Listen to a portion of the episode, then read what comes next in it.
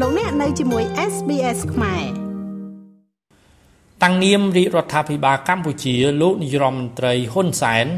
បានប្រកាសស្វាគមន៍ចំពោះរាល់ការសម្រេចចិត្តដ៏ឆ្លៀវវៃរបស់អ្នកវិនិយោគិនបរទេសទាំងអស់ជាពិសេសវិនិយោគិនវៀតណាមដែលបានជ្រើសរើសនិងមានបំណងជ្រើសរើសកម្ពុជាជាគោលដៅវិនិយោគដ៏មានសក្តានុពលខ្ពស់ក្នុងការចាប់ផ្ដើមឬក៏ពង្រីកអាជីវកម្មរបស់ខ្លួន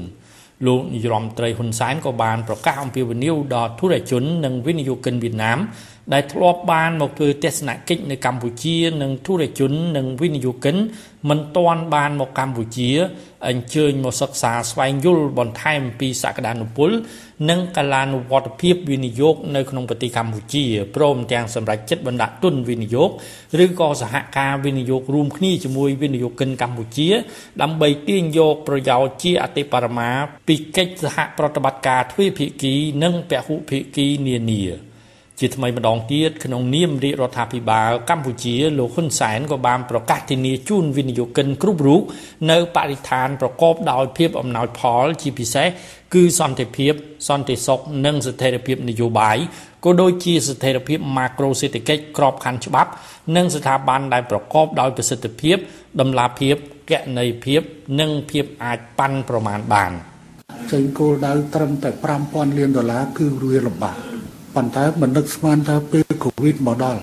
ទំហំពាណិជ្ជកម្មនៃប្រទេសយើងទៅពីឡើងដល់10,000លាននោះហើយជាសេដ្ឋកិច្ចដែលបំពេញឲ្យគ្នាចំណុចនេះហើយដែលខ្ញុំចង់និយាយថាដែលខ្ញុំចង់និយាយថាបើទោះបីជាសភាពការសេដ្ឋកិច្ចសកលលោកនិងតំបន់មានការប្រែប្រួលពិបាកប៉ាន់ស្មានប៉ុន្តែអ្វីដែលយើងត្រូវជឿជាក់រវាងកម្ពុជានិងវៀតណាម នៅតែល្អហើយនៅតែបំពេញឲ្យគ្នាបានជារៀងរហូតទៅខ្ញុំជឿជាក់យ៉ាងដូចនេះម្យ៉ាងទៀតខ្ញុំក៏សូមយកឱកាសនេះកម្ពុជានិងវៀតណាមបានខិតខំយ៉ាងខ្លាំងក្នុងការងើបចេញពីវិបត្តិ COVID លោកនាយរដ្ឋមន្ត្រីហ៊ុនសែនបានប្រកាសយ៉ាងដូចនេះក្នុងពេលដែលលោកនិងនាយករដ្ឋមន្ត្រីវៀតណាមផានមីងជីងបានអញ្ជើញជាអធិបតីក្នុងវេទិកាជំរុញវិនិយោគនិងពាណិជ្ជកម្មកម្ពុជាវៀតណាមឆ្នាំ2022ដែលបានធ្វើឡើងកាលពីរុស្ស៊ីថ្ងៃទី8ខែវិច្ឆិកាឆ្នាំ2022នៅសន្តាគារភ្នំពេញក្នុងរាជធានីភ្នំពេញអំឡុងពេលនាយករដ្ឋមន្ត្រីវៀតណាមបំពេញទស្សនកិច្ច2ថ្ងៃនៅកម្ពុជានាថ្ងៃទី8និងថ្ងៃទី9ខែវិច្ឆិកា វេទិកាជំរុញវិនិយោគនិងពាណិជ្ជកម្មកម្ពុជាវៀតណាមឆ្នាំ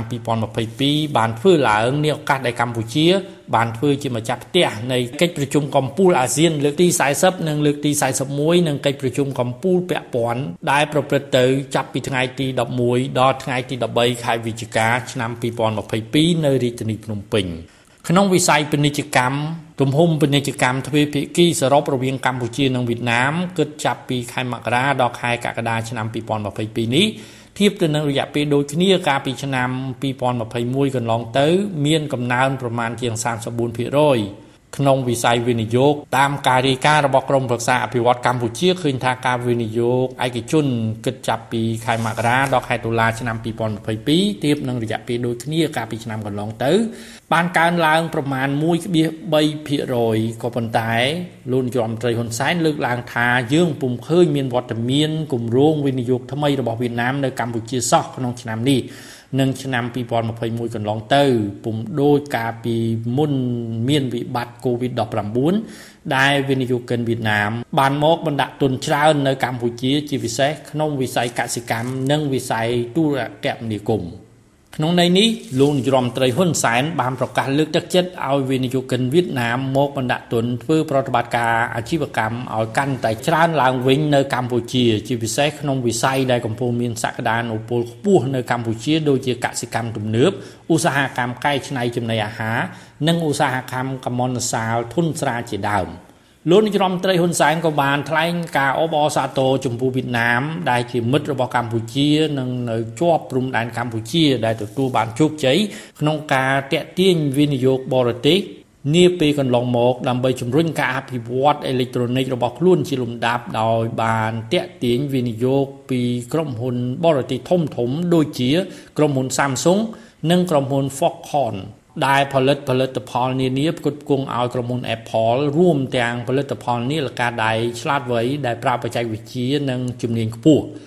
លោកនាយរដ្ឋមន្ត្រីលើកឡើងថាកម្ពុជាមានបំណងផ្សារភ្ជាប់ខ្សែច្រវាក់ផលិតកម្មយានយន្តនិងអេឡិចត្រូនិកតាមរយៈការបង្កើតយុទ្ធសាស្ត្រប្រទេសបូកជាពិសេសជាមួយប្រទេសវៀតណាមដែលជាជំរើសទី1របស់វិនិយោគិនបរទេសនៃវិស័យទាំងពីរក្នុងការផ្លាស់ប្ដូរទីតាំងផលិតកម្ម ក្នុងន័យនេះលោកហ៊ុនសែនសង្ឃឹមថា